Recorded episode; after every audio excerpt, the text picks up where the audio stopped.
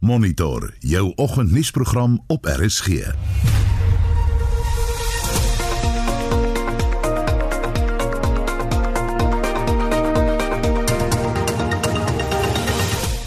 volgens se program die Kaapse Hooggeregshof lewer uitspraak teen 'n korttermynversekeraar.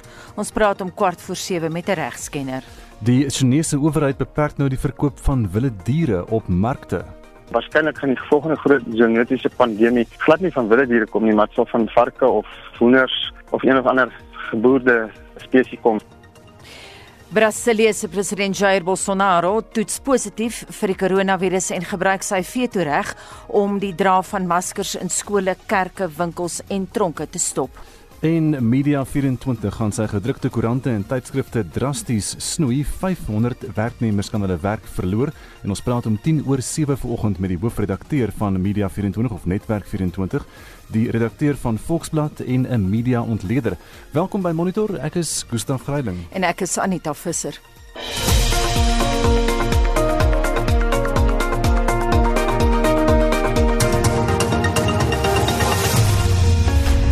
Dis 13 minute oor 6 is ingeskakel by Monitor op RSG en 'n oorsig van die koerant voorblaaie vir Woensdag die 8ste Julie. Ons begin met Volksblad, die einde van 'n era. Papierkoerant word nou digitaal, soos wat die gedrukte media van rad verander en die papier Volksblad na 116 jaar van die toneel verdwyn in die Vrystaat en die Noord-Kaap. Daar's 'n baie treffende foto van Nelson Mandela wat Volksblad lees in sy vliegtyg. Maar die koerantbaas en netwerk 24 hoof Henriet Loupser sê niks gaan ophou net omdat die koerant digitaal is nie en gaan steeds elke dag op netwerk 24 gelees kan word. Ons praat later vanoggend breedvoerig oor die hele media 24 afskaling. Beeld se voorblad vandag 2 in hof na halfsus se lijk gekry is, verdwyn na polis uitbetaal is oor siekte. En 'n foto van die vreugde toe kleuterskole heropen. Die burger vragmotors gekaap om N1 en N2 te versper. Bestuurders sê 30 mense sak op hom toe om sy lorry te vat. Dit na gister se chaos met die vragmotors in die Kaap en by die Huguenot tunnel ook. En 'n berig wat sê drastiese afname in inentings kwel, 2/3 minder inentings word gedoen sedert die inperking begin het. Business Day vandag bank buying fewer government bonds. Dis die Reservebank wat afskaal met sy aankoop van staatseffekte omdat die marktoestande nou verbeter. En Eskom betaal sy kontrakteurs heeltemal te veel volgens sy verslag. Internasionaal op bbc.com die direkteur van die FBI sê China is die grootste bedreiging vir die FSA weens wat hy beskryf as spionasie en diefstal deur die Chinese regering. En die Wêreldgesondheidsorganisasie sê nou dat die oordrag van die koronavirus deur die lug nie meer uitgesluit kan word nie. 'n Groep navorsers het die WHO het hulle het gepleit by hulle om sy advies aan te pas en dat die virus nie net deur druppels aansteek nie. En is vinnige oorsig van vanoggend se nuus. Ons berig later in Monitor oor Media24 wat sy gedrukte publikasies drasties wil snoei. Volksblad en die Burger in die Oos-Kaap is van die gedrukte koerante wat in die slag gaan bly en ons wil vanoggend by jou weet, gaan jy jou papierkoerant of tydskrif mis? En dan was daar ook gister 'n landwyse poging om paaie tot stilstand te dwing of liewer motoriste tot stilstand te dwing uit protes teen vervoermaatskappye se beweerde indiensneming van buitelanders en dit nou teen minder vergoeding as Suid-Afrikaners. Laat weet vir ons as jy meer hieroor weet of jy kommentaar te lewer het en jy kan gaan na 45889 onthou elke SMS kos R1.50 of dan of jy kan gaan na facebook.com vorentoe skansreep ZRS RSG of as alternatief WhatsApp vir ons stemnota van nie langer as 30 sekondes nie na 076 536 6961 076 536 6961 Op pad na 17 minute oor 6 en meer is 215800 positiewe gevalle van COVID-19 is reeds in die land aangemeld en 3502 het reeds weens die virus gesterf. Die minister van gesondheid, Dr. Zweli Mkhize, sê tans kan die mediese sektor die toevloei van siek mense veral in Gauteng nog hanteer, maar hy is bekommerd. This is the time which we did anticipate the numbers were going to rise, and they've started rising. And certainly in Gauteng, the numbers are rising faster than uh, we've seen it uh, in the past and happen, what's happening in other parts of the country. we have at the moment not reached the levels of the hospital beds that we had provided. I think everyone is concerned about the fact that the numbers of admissions every day are increasing pretty rapidly. So we are working on increasing the numbers of beds so that the expected numbers of admissions for this month should all be accommodated. And so the pressure is actually true. It is there. We can feel it. Uh, it's on the Gauteng, Western Cape, Eastern Cape. That's where the pressure is felt most. And of course, KwaZulu-Natal will soon be coming as well. Mkhize het sy spyt oor die voorval uitgespreek waar 'n man in die Tembisa Hospitaal 2 dae lank nie kos gekry het nie en uiteindelik gesterf het. That's a very sad story and uh, very unfortunate. And we have had officials from our uh, uh, department to go and meet with the family just to indicate how sad we are about the situation. However, the matter is being investigated because when we did the preliminary inquiries, the report that came through was that for the two days, uh, Shoniwa was feeding himself, and that the fact that it was said to be in a quarantine site was actually not true. He was actually admitted in the hospital and rapidly deteriorated and became so distressed that he had to be intubated and so on. Mkhize sê sy departement ondersoek ook klagtes vanaf die publiek wat sê dat hulle weggewys word van hospitale vir alledaagse mediese dienste. Our expectation is that in any hospital there's what we call a triage center where if you walk in they screen the person for the symptoms and if there are symptoms suggestive of COVID-19, then we take them in as what we call uh, the patient under investigation, which means we'll check and wait until the results are out. Then we know whether they need to be put in a normal ward or they need to stay in a isolation. So if there is any situation where somebody gets chased away, we follow those up as soon as we get uh, such a report. Daar's ook vrae oor wie na watter mediese fasiliteite gestuur word. Mkhize sê daardie besluit lê by die dokters. The doctors have to decide who goes to which hospital. The level of care that they require would uh, decide whether they need to go to the main hospital or they'll be put into the field hospital. En dit was dan die minister van gesondheid, Dr. Zweli Mkhize en Susan Paxton het die verslag saamgestel. 6:20 in tyd vir die sakeverslag wat ver oggend aangebied word deur Leon Mostert van PSC Wealth Pretoria Oos. Môre Leon. Môre Anita. Ons sien dat die wêreldmarkte gister wisselvallig voorgekom het, na mate die bekommernis rondom 'n sogenaamde tweede golf van COVID-19 eise beleggers se vertroue geskaad het. Bykans 12 miljoen gevalle is nou al wêreldwyd aangemeld met oor die 500 000 sterftes, soos wat ekonomie weer aan die gang probeer kom. Die JSE se algehele indeks sluit uiteindelik 0.72% hoër op 55243 punte en die top 40 indeks 0.83% hoër vir die dag. Goud myners styg met 4.6% en die platinum indeks met 2.9% terwyl die bank indeks 1% verloor het. Individuele aandele wat die oog gevang het was Anglo Platinum 5.6% hoër op R1330 per aandeel, Harmony Gold 5.5% hoër op R85.31 en Gold Fields 4.8% hoër op R169.38. Daaromtrent verloor Telkom 4.5% tot R35.12 en TN 3% tot R57.30 en Absa Groep 2.6% tot R81.57. In Europa sluit die vernaamste beurs in die rooi met die DAX in Frankfurt by 9% laer, die FTSE 100 in Londen 1.5% en die CAC 40 aan prys van 7% laer vir die dag. Die negatiewe sentiment in Europa is ook aangewakker deur die Duitse nywerheidsproduksie syfer vir Mei wat swakker as verwag ingekom het met 'n stygings van 7.8% teenoor 10% verwag nadat 'n -17.5% inkrimping in April, in April plaasgevind het. In Amerika sien ons dat winstneming gisterand aan die orde van die dag was, ten spyte van 'n poging deur die tegnologie sektor om die positiewe momentum van die afgelope paar dae te bou. Die Dow Jones sluit 1.5% laer, afgetrek deur Boeing wat 4.8% verloor het. Die S&P 500 sluit ook 1.1% laer om 'n 5-dag positiewe loopie te stuit. Die Nasdaq verloor uiteindelik met 8.6% nadat dit in intradag verhandeling 'n nuwe rekord bereik het op die rug van sterk lopies deur Apple, Microsoft, Facebook en Netflix.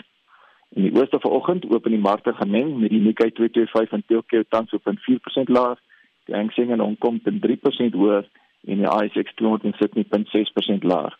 As dit dan ander wees na die vernaamste markaanwysers, sien ons dat goud vanoggend teen 1794 dollar en platinum teen 842 dollar 'n ons verhandel.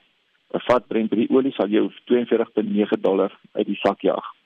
Op die valutamarkte verloor die rand effens veld vanoggend en verhandel tans teen R17.15 vir 'n dollar, R19.35 vir 'n euro en R21.55 vir 'n pond. Dankie Anita. Dis dan al van my kant vir vanoggend. 'n Lekker dag vir jou en die luisteraars. Lekker dag vir jou ook Leon dit dan die sakeverslag vanoggend aangebied deur Leon Mostert van PSC Wealth Pretoria Oos. Dis nou 23 minute oor 6 uur by Monitor op RSG en vragmotors het gister verskeie paaie in en om Kaapstad versper. Die vragmotorbestuurders eis dat Suid-Afrikaners in diens geneem word en nie buitelanders nie. En ons praat nou met die Wes-Kaapse provinsiale verkeershoof Kenny Africa oor die jongste nuus daar. Kenny, goeiemôre. Ag goeiemôre, uh, gaan dit goed? Baie goed, dankie. Waar was daar oral probleme gister yes. op al jou paaie? Wel, ons het gister etlike probleme gehad. Dit alles begin by die Huguenot tunnel um, gistermiddag. Uh toe uh, twee trokke deur uh, boosdoeners van die pad afgetrek was. Maar dit was baie gewone beheer gebring.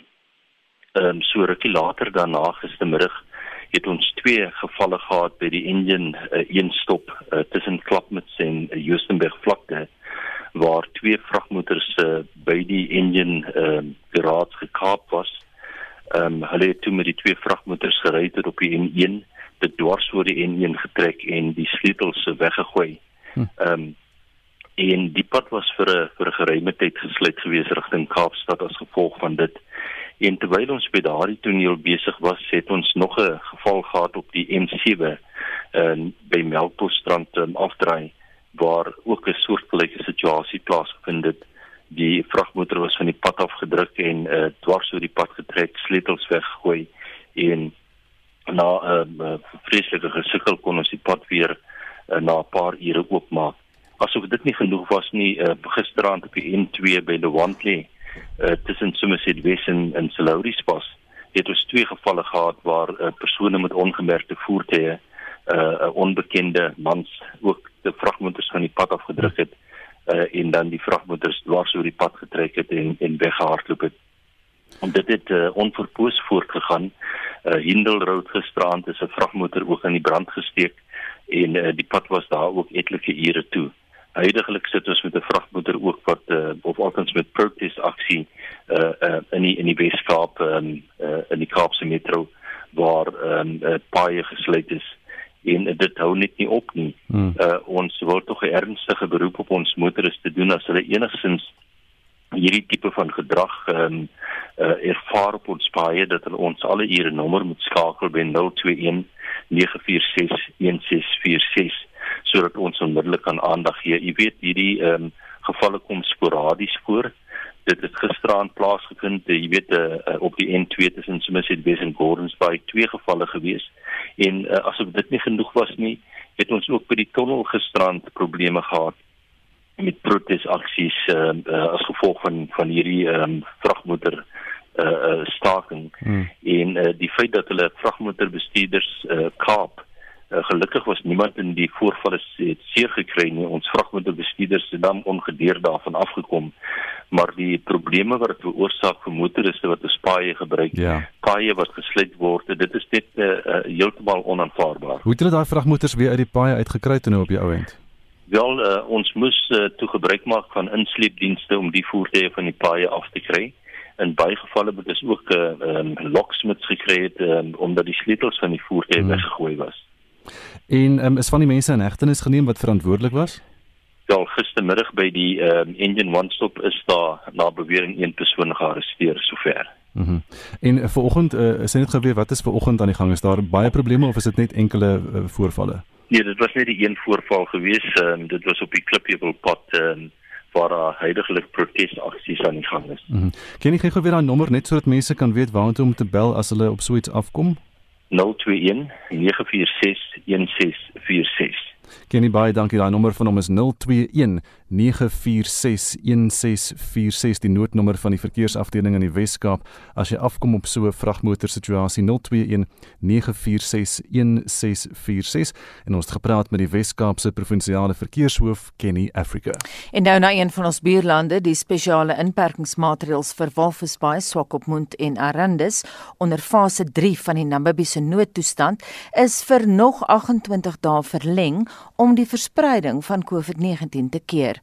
President Hage Geingob het die aankondiging by Staatshuis in Windhoek gedoen, soos wat Frikkie Wallis berig. Hy het verdere beperkings op die beweging van mense ingestel terwyl die betrokke drie dorpe in die Rongo-streek se skole tot 3 Augustus gesluit sal bly. Geingob het gesê dat die besluit genoodsaak is omdat 90% van die nuwe COVID-gevalle in Namibië uit Irongo afkomstig is. Therefore, I have convened this media briefing to announce additional measures necessary for local authority areas of Wolfers Bay, Swakopmund, and Arandes, which have been placed under the special dispensation during the COVID-19 state of emergency. The introduction of these measures is done with the sole objective of containing the spread of this disease within and beyond these three towns. Gang op sê dat Bay die episentrum in Namibië bly omdat 391 nuwe gevalle die afgelope week op die hawe dorp aangemeld is. Hy het egter nie gesê waarom die res van Namibië nie aan dieselfde toetse vir die virus onderwerp word as die inwoners van Bay nie. We are recording different types of transmissions in the different towns. At Swakopmund, we are mitigating a cluster of cases where most cases have been locally transmitted but can be traced to chains of transmission. What is frightening is that there is community transmission at Wolf's Bay. Not being a medical doctor to expand on it. To date, in other parts of the country, we recorded sporadic cases. Geen COVID-19 sterftes het sover in Namibië voorgekom nie. Geingob het gesê dat hy die goewerneur van Irongo, Neville Andre, gevra het om die moontlikheid te ondersoek om leehuise van die massa behuisingsprojek op Walvis Bay en Swakopmund beskikbaar te stel om mense te huisves wat positief getoets het. Ek is Frikkie Wallis op Swakopmund. Jy luister na Monitor elke weekoggend tussen 6 en 8. Dis half 7 en in die nuus die nasionale taksivereniging sê sy lot is in die hande van die koronavirus bevelsraad. Die WHO erken dat die koronavirus moontlik in die lug oorgedra kan word. En toetskriket hervat vandag. Bly ingeskakel. Daar is geen verkeer. En ons kyk na die verkeer in hierdie stadium in Johannesburg. Daar's 'n brand, die grasbrand by die N1 suidwaarts na Malibongwe Rylaan en die sigbaarheid daar is beperk, so wees versigtig in daardie omgewing op die N1 suid. Ook dan in KwaZulu-Natal, die R34 R66 roete, daar was gister ook 'n kwessie daar gewees. Daar is nou 'n vragmotor, die vragmotors versper die pad by Ndundulu tussen Melmot en Eshowe, wees versigtig op daardie pad. Dan kyk ons na KwaZulu-Natal, ongeluk op die N3 ooswaarts na Marketweg, die linkerbaan is versper. Durban, die M25 KwaMashu hoofweg. Na die Sasol volstasie is daar twee vragmotors wat dan uh, die die lane daar versper en die verkeersligte in daardie omgewing dis die KwaMashu hoofweg daar na die Sasol volstasie op die M25 uh, in Durban en dan kyk ons na Kaapstad. Protesaksie die N1 uitwaarts by Klipheuwel. Al die bane is versper. Wees asseblief versigtig en gebruik alternatiewe roetes. Die R300 noordwaarts na Hindel is intussen skoon, so jy kan weer daar ry. As jy weet van enigiets anders kan jy vir ons 'n SMS aanstuur na 45889 en dit kos R1.50. Vincent, is ons luisteraars lief vir die gedrukte media of gaan hulle digitaal?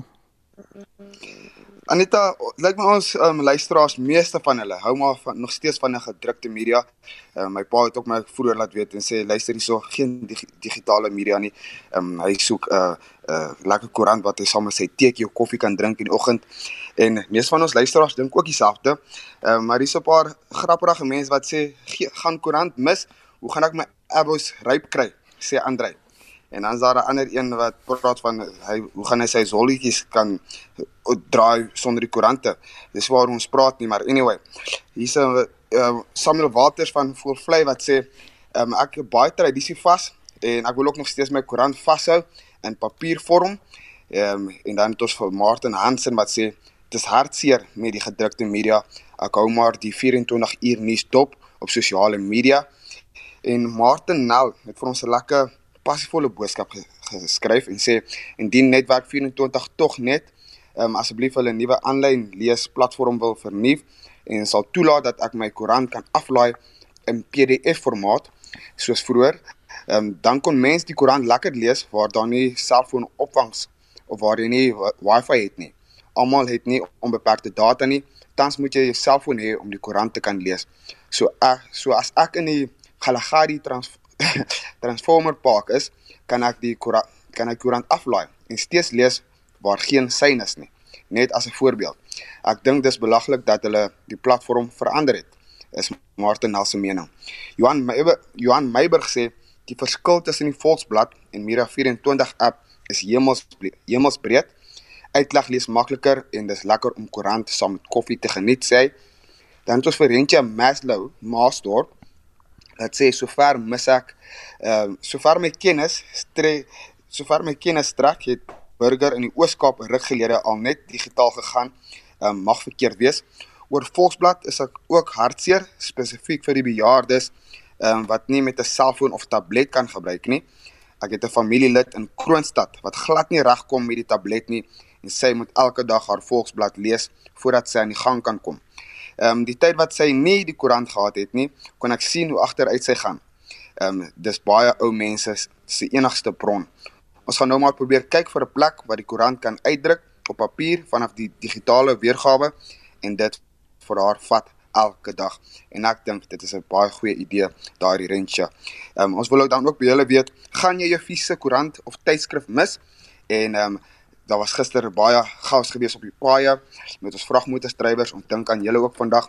Laat weet ons indien jy vanoggend enige probleme op die paaie op die paaie weet. Gesels saam met ons stuur vir ons jou SMS na 45889. Onthou dit kos R1.50 per SMS of gaan gaan kyk na ons Facebook bladsy. Daar gesels almal baie lekker. Jy vind ons by facebook.com vorentoe skynstreep ZRSG of as alternatief kan jy vir ons jou stemnota WhatsApp en onthou om dit nie langer as 30 sekondes te maak nie. Die nommer is so 076 536 6961. Ek herhaal hom gou 076 536 6961.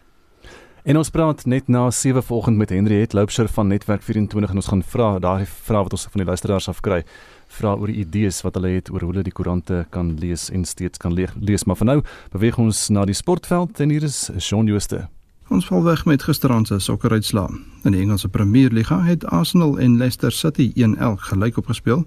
Watford het 2-1 teen Norwich City geseëvier en Crystal Palace 3-2 teen Chelsea verloor. Vanaand se weer met Manchester City teen Newcastle United, Sheffield United teen Wolves en West Ham United teen Burnley kragte. Brighton and Hove Albion draf kwart oor 9 teen Liverpool op die veldtyd. In die Spaanse La Liga het Celta Vigo en Atletico Madrid 1-1 gelyk opgespeel en Valencia het Valladolid met 2-1 geklop. Vanaand half 9 kom Getafe teen Villarreal en Barcelona teen hier teen Espanyol te staan. En in Italië in die Serie A het AC Milan 4-2 teen Juventus en Lecce 2-1 teen Lazio gewen. Vanaand half 8 speel Genoa teen Napoli, kwart voor 10 Roma teen Parma en ook Atalanta teen Sampdoria. Golf Die PGA Tour het aangekondig dat geen toeskouers by volgende week se Memorial Toernooi in Ohio toegelaat sal word nie. Dit sou die eerste toernooi voor toeskouers wees sedert die toer in Junie hervat is, maar 'n stygings in koronavirusgevalle in die area het die PGA se planne in die wiel gery. Ses spelers op die toer het tot dusver positief getoets vir die virus. In die atletiek-wêreld het organiseerders van die Parys-maraton in Frankryk aangekondig dat vanjaar se wedloop vir 'n tweede keer uitgestel is. Die maraton sou in April plaasvind, maar is weens die koronaviruspandemie na 18 Oktober en nou weer na 15 November uitgestel. En laastens herinner ons graag dat toetskriket vandag hervat word wanneer die eerste van 3 toetse tussen Engeland en die Wes-Indiese eilande 12:00 in Southampton begin. Die veelsidige spelers Ben Stokes en Jason Holder voer die twee spanne aan. Die ander twee toetse word in Manchester gespeel. Die datums vir die reeks van 3 toetse tussen Engeland en Pakistan is ook bevestig. Die toetse begin op 5, 13 en 21 Augustus en is ook vir Manchester en Southampton geskeduleer. Shaun Schuster, SAK Sport. Dis nou 22 minute voor 7 jy luister na Monitor op RSG en Brasilië se president Jair Bolsonaro het gister positief getoets vir die koronavirus. Dit was sy 4de toets vir jaar. Voor die uitslaa van sy toets bekend was, het hy egter sy veto reg as president gebruik op die dra van maskers in skole, kerke, winkels en tronke om dit te keer. En dit ten spyte van Brasilië se 1,7 miljoen koronavirusinfeksies. Anita het by professor Lyle White, senior direkteur by die Johannesburgse Sakeskool aan die Universiteit van Johannesburg, uh, gaan kers opsteek oor hoe die COVID-drama in die Latyns-Amerikaanse reus hom gaan uitspeel. Ontleeders krap kop oor Jair Bolsonaro se hardnekkige weiering om toe te gee dat die koronavirus 'n gevaar vir hom of sy landgenote inhou. In Brasilië word daar selfs hoofartikels gewy aan die sielkunde daaragter. Professor Lyle White het ook sy teorie hieroor. This is Bolsonaro's next effort to contravene the laws and to contravene what society is actually pushing for and to insist on his approach to dealing with not only the virus, but the crisis that has ensued post pandemic.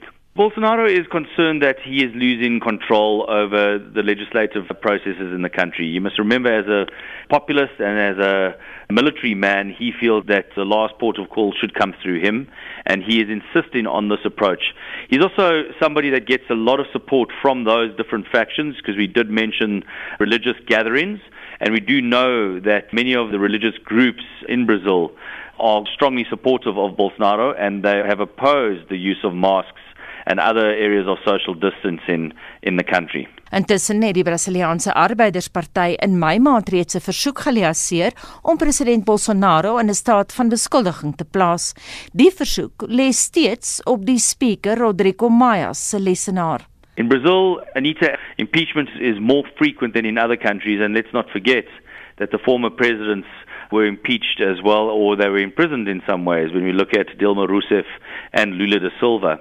So I think what we should look at around the impeachment, we should be wary of this because this is one step closer to unraveling democratic processes. Yes, impeachment is a democratic process, but it almost seems like a cop out in terms of dealing with differences in a democracy. I want to just add to that that Brazil is a deeply divided country. It is a, a, deeply polarized, politically polarized country, and that often, if people are retorting, if political parties and citizens are retorting to impeachment, it feels that there's very little else in terms of recourse that they can take, and that speaks volumes of the state of democratic institutions in that country, which is most concerning. Bolsonaro het ander wetgewing rakende die verpligte verspreiding van maskers aan die armes ook geveto. Maar sal die populistiese president nie uiteindelik die prys moet betaal vir sy optrede nie? I think this is uh, a real concern because Bolsonaro, while his popularity has diminished substantially, he is still popular among many groups. He is still popular among those that are almost um, anti the response to corona that are concerned about the economy. But we do know that the impact on the economy that as a result of the route that Bolsonaro has taken, whether it's the right route or the wrong route, has been quite substantial and, and detrimental. Brazil's economy will contract by more than 6 or 7% this year, which is an enormous amount in a country that has failed to grow over the last 7 or 8 years. Intussen word daar wel 'n prys betaal. Brasilië is nou wêreldwyd nommer 2 na die VSA op die korona leer met 1,7 miljoen aangemelde gevalle en 'n dodetal van 66000. There's a substantial difference between the United States and Brazil, but Brazil is regarded now as the epicenter because of the catch up that it's making. It is accelerating the number of cases far quicker than those in the United States. And this is what the big concern is that Brazil, by the end of July, which is less than three weeks away, may well overtake the United States in number of cases, but also more concerning in the number of deaths as a result of COVID-19. Die vraag is dan, hoekom geniet president Jair Bolsonaro nog hoegenaamd enige steun onder 25 tot 30% van sy landgenote? Bolsonaro has support because he plays to the divisions in the country. Like any populist, he is divisive. He plays very, very skillfully, though, is that he is able to appeal to those that believe that coronavirus is something that is either dreamt up to the extreme or to others that don't think it is as severe as what it might be. Regardless of what we think, whether it is as severe or not, the impact is very, very clear what he is appealing to is that gung ho cowboy attitude of many Brazilians that don't want to believe in an authority, a higher authority, this being the, the, form of a multilateral organization. That's why you hear so much reference to the WHO. That's why you hear so much reference in Brazil and elsewhere that why should we abide by these rules because we know how to do it in Brazil. He's appealing to these sentiments in the country, and he appeals to those that believe that opening up the economy and ignoring the coronavirus will re-establish economic activities and economic growth. Die logiese opvolgvraag is: sal Bolsonaro se steun voortduur soos wat Brasilië op pad is na sy kruin van die koronavirus? As to whether this course will change as a result of a higher death toll remains to be seen. I do think, and many people that are following not only Brazil but the United States believe there will be a tipping point with an increase in death toll. But only time will tell. And let's not forget that Brazil is also battling with a range of other challenges, from fires in the Amazon to the infringement of the rights of indigenous groups. So there's a plethora of issues that are on the go at the same time while we outside are watching the response of Bolsonaro to uh, the coronavirus. En dit dan professor Lyle White, senior direkteur by die Johannesburgse Sakeskool aan die Universiteit van Johannesburg. Die Kaapse Hooggeregshof het in die moederstad uitspraak gelewer ten gunste van die maatskappy Cafe Chameleon teen 'n korttermynversekeraar Guard Risk. Die saak is geskoei op skade wat gelei is weens besigheidsonderbrekings weens die koronapandemie. Vir meer besonderhede praat ons nou met die direkteur van die eenheid vir versekeringsreg aan die Universiteit van Pretoria professor Brigitte Kuske. Goeiemôre Brigitte. Goeiemôre Anita. Goeiemôre luisteraars. Brigitte, wat het regter Andrei Legrandsie presies beslis? Anita, hierdie is die tweede saak wat in die Weskaap gebring is. Die eerste een is uitgestel tot September by ooreenkomste tussen die partye. En hierdie tweede aansoek was toe suksesvol dat die versekerde in staat was om 'n bevel te kry teen die korttermynversekeraar. In die eerste plek het die regter gelyk gegee dat die saak op 'n dringende basis gebring kan word. Dit is bestry deur die respondent dat hierdie 'n saak van dringendheid is.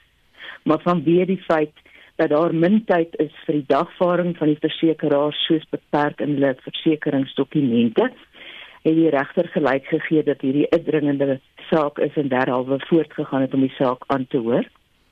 In die tweede plek het die regter 'n verklarende bevel gegee dat die versekeraar wel dekking het ehm um, wat hy moet uitbetaal aan die versekerde. Daar is dekking gegee en op uitleg van die polisdokumente is bevind dat die versekeraar inderdaad moet uitbetaal.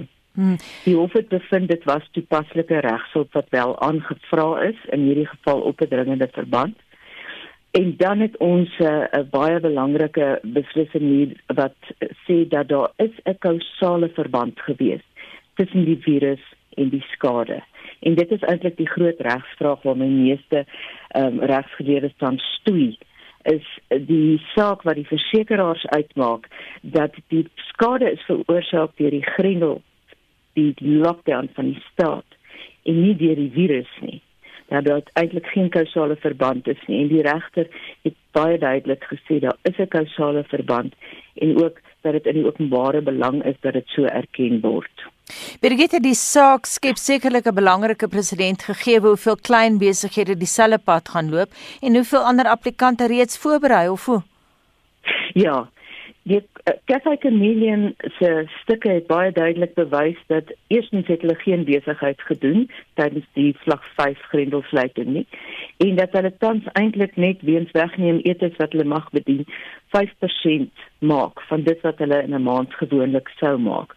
So hulle het aansienlike skades gely. Ook hulle werknemers het hulle aanvanklik self betaal tot hulle by die werkloosheidsversekeringsfonds ehm um, uitbetalings gekry vir April, maar hulle wag tans nog vir Mei se uitbetalings en dit is nou al Julie en hulle betaal dus nog steeds hulle werkers wat meer as 15 is om uit hulle eie sakke uit. Nou daar is 'n hele klomp sake wat tans voorberei word. Ons is bewus van drie verskillende groepe waar eisers of applikante afhangende van waarvoor ehm um, die versekerdes kies of hulle aansoek of 'n aksie wil bring, ehm um, waar hulle voorberei om tans die aansoeke aanhangig te maak by die howe. Net terug na regter Andre Legrandsie se uitspraak. Wat is die langtermyn regsimplikasies van daardie uitspraak? In die eerste plek het hy vir ons die klip uit die pad gerol oor die probleem rondom kausaliteit. En in die tweede plek het hy 'n baie belangrike gedeelte van sy uitspraak uitgelig en dit is dat die uitleg van kontrakte moet plaasvind. Die uitleg spesifiek van die versekeringsklausules en uitbreidingsklausules vir die dekkings van ehm um, aansteeklike siektes. Dit moet uitgelê word in terme van besigheidsdoeltreffendheid ehm um, middele. Ons moet kyk of die kontrak besigheidsdoeltreffend is in die uitleg daarvan ehm um, en dit is ooglopend dat 'n besigheidsonderbrekingsdekking tog ten doel het om sekere gebeurlikhede en die nadelige gevolge daarvan te dek.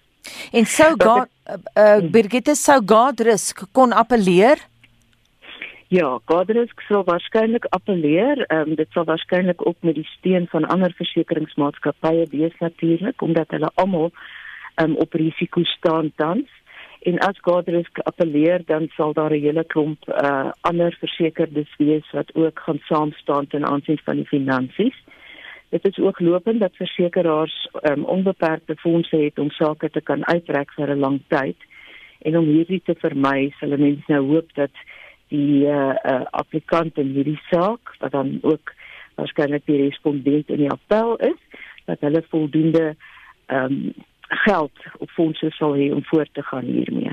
Birgitte, jy het nou gesê dat regter Andre Legrandsie het Kafei Chameleon se regspan gelyk gegee dat hierdie 'n uiters dringende saak is.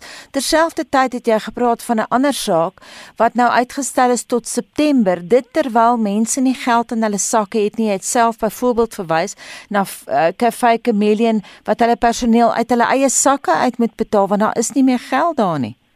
Mm. Dit is um, juist die die hartseer wat ons gehad het met die eerste saak is dat die industrie het nou gesit en wag en hoop daar gebeur iets maar die partye het by ooreenkoms ehm um, geskik op dringendheid en gesê hulle sal eerder die saak laat aanhoor in September wat hartseer was en daarom is ons baie dankbaar vir hierdie uitspraak wat duidelik wys dat dit is dringend dat die saak nou aangehoor word. En dit is ook hoekom ek baie graag alle versekerdes en polishouers wat tans oorweeg of hulle wil stappe neem wil aanmoedig om so gou as moontlik op te tree want hierdie is werklik 'n saak van dringendheid Nou julle by die Universiteit van Pretoria is betrokke by die hantering van verskeie sulke sake en julle het gister juist daaroor vergader. Hoe groot is die probleem? Ek dink net maar na aanleiding van ons laaste onderhoud het ons geweldig baie navraag gehad van klein sakelei wat na monitor luister wat wil weet wat is die regte pad vorentoe. Die die probleem is reusagtig groot. Ehm um, ek dink daar is nie 'n gastehuis of 'n restaurant wat nie op een of ander manier skade gely het nie. En daar is 'n verskeidenheid versekerings betrokke wat dekking verleen het. So ons kyk na 'n baie breë mark. Daar is twee breë groepe van aansoekers wat ons nou gister met konsultasies op verskeie partye vasgestel het. In die eerste plek het ons die groepe wat 'n gebrek aan toegang het. Dit is 'n besonderse groep wat na hulle polisse moet gaan kyk of minstens almal moet na hulle polisse gaan kyk. As jy dekking het vir 'n gebrek aan toegang tot jou perseel, en dat jy daarom nie kon besigheid doen nie. Dan het ons gister besluit na konsultasie met senior advokate dat inderdaad is dit 'n groep wat 'n goeie kans het op suksesvolle eise omdat die gebrek aan toegang deur 'n owerheid veroorsaak is. Dit is ook byvoorbeeld waar die stadsraad 'n pad sou opkap voor 'n besigheid en mense nie by die besigheid self kan uitkom nie. Dit is daai tipe van situasies en ook lopend hierdie COVID-19 en die grendeltyd dit veroorsaak dat daar 'n gebrek aan toegang tot die perseel was maar nie almal se polisse het hierdie spesifieke uitbreidingsklausules nie. En vir hulle moet ons dan gaan kyk na die aansteeklike siektes en die aanmeldbare siektes klausules en gaan kyk inderdaad of daar dekking is in terme daarvan. En die saak van Cafe Chameleon het ook vir ons daar inligting gegee dat die aansteeklike siekte hoef nie net by die plaaslike regering aangemeld te word nie, die feit dat dit 'n nasionale regeringssituasie is voldoen selfs waar die klousule uh, uh, melding maak van plaaslike regeringsaanmeldings. Die uh, respondent het 'n baie kunsmatige argument geopper dat die klousule sê dat die siekte aanmeldbaar moet wees by 'n plaaslike regering en in hierdie geval is dit aanmeldbaar by 'n nasionale regering en dit is eintlik die 'n kunsmatige uh, verbeer wat die respondent probeer opereer. So op hierdie stadium is dit voldoende dat COVID-19 as 'n aansteeklike of aanmeldbare siekte gesien word. Baie dankie. Dit dan die mening van die direkteur van die eenheid vir versekeringsreg aan die Universiteit van Pretoria, professor Birgitte Kuske. Die 7 minute voor 7 en die Chinese owerheid het begin om die verkoop van wilde diere op markte te beperk. Die vraag is of die regering sy landsburgers se kultuur raak aan die gewilde kosmarkte egter sal kan verander verander. Dr Marcus Hofmeyer, 'n buitengewone dosent aan die fakulteit vir artsenykunde by Onderstepoort se Wildlewe Sentrum, het gister die nuwe wetgewing se besonderhede met Anita gedeel. As daar een land is wat dit wel kan toepas, is dit China. As dit van nasionale belang is, gaan hulle dit definitief deurvoer. Baie goeie nuus is dat hulle byvoorbeeld Itermagog pangolins heeltemal afgevat het van enige lys van gebruik, selfs in die TCM traditional Chinese medicine gebruik. So hopelik gaan dit 'n positiewe effek hê op die smokkel en die uitvoer van Itermagog of pangolins soos hulle meestal bekend is. So daar is wel positiewe bewegings in daai sin en uh hopelik sal hulle dit ook reg toepas. Uh, ek dink ons gaan dit binne die volgende paar maande duidelik sien. Markus, die probleem hier is ook 'n kultuurverandering. Hulle sal hulle eie landgenote moet opvoed daaroor. Ja, wel dit is altyd die sensitiewe situasie met sulke goedjies, maar uh, as die Chinese sentrale beheer dit wil toepas, dan sal hulle dit deurvoer. Die Wêreldgesondheidsorganisasie het hierdie week 'n verklaring uitgereik waarin hulle hulle kommer uitspreek oor die toenemende invloed van zoonotiese siektes, die oordrag van siektes van dier na mens en hulle het verwys na die feit dat Ebola, die Wes-Nile virus en SARS is alles zoonotiese siektes. Hoe bekommerd is jy oor hierdie toenemende oordrag van dier na mens? Die siektes van van dier na mens is 'n algemene eh, gebeurtenis al vir eeue lank.